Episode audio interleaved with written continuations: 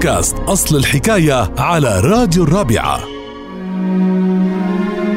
أصل الحكاية لليوم عن مثل منقوله وقت اللي بيكون في حدا فينا نقول عم بخبص أو عم يرتكب أخطاء فمنقول له انتبه لأنه كما تدين تدان.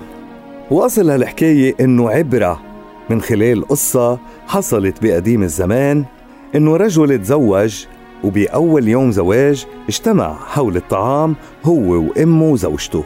فقدم وجبة كبيرة من الطعام لزوجته لكونها عروس وبأول يومها وقدم لأمه شي بسيط من الطعام وبدون أي اهتمام. لاحظت الزوجة وكانت حكيمة وأصيلة وقالت له طلقني طلقني هلأ. توسل انه تتراجع عن قرارها وسألها شو سبب طلبك للطلاق. قالت له العرق دساس وما بدي جيب منك ولد وأهان مثل ما أنت عم تهين أمك. للأسف بعض النساء وقت اللي بفضلها زوجها على أمه بتعتقد إنها انتصرت ورح تكون مرتاحة البال ومبسوطة ومرتاحة مع زوجها ونسيت إنه كما تدين تدان. اتطلقت منه بالفعل والله رزقها زوج بار بأمه وبعد عدة سنوات أنجبت أولاد منه وبيوم من الأيام كانت راحلة على ناقة وعليها هودج وكانوا أولادها عم يعتنوا بالهودج حتى ما تمل. وبالطريق شافت قافلة عم تمشي وبيتبعها رجل كبير بالسن حافي القدمين عم يمشي وما حدا مهتم فيه. فقالت لولادها جيبوا لي هالرجال.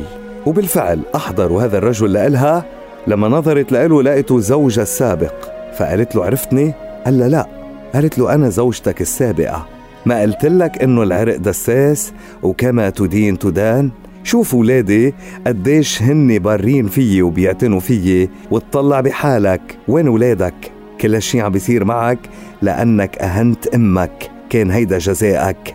وقالت لأولادها بعد ما قالت هالكلام اهتموا بهالرجال لوجه الله لكل رجل ولكل امرأة.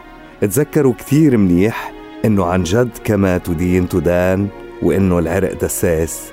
ومن هون أصبحت هالحكاية مضرب للأمثال. لتتعرفوا على مزيد من أصل حكايات الأمثال تابعونا على بودكاست الرابعة أصل الحكاية.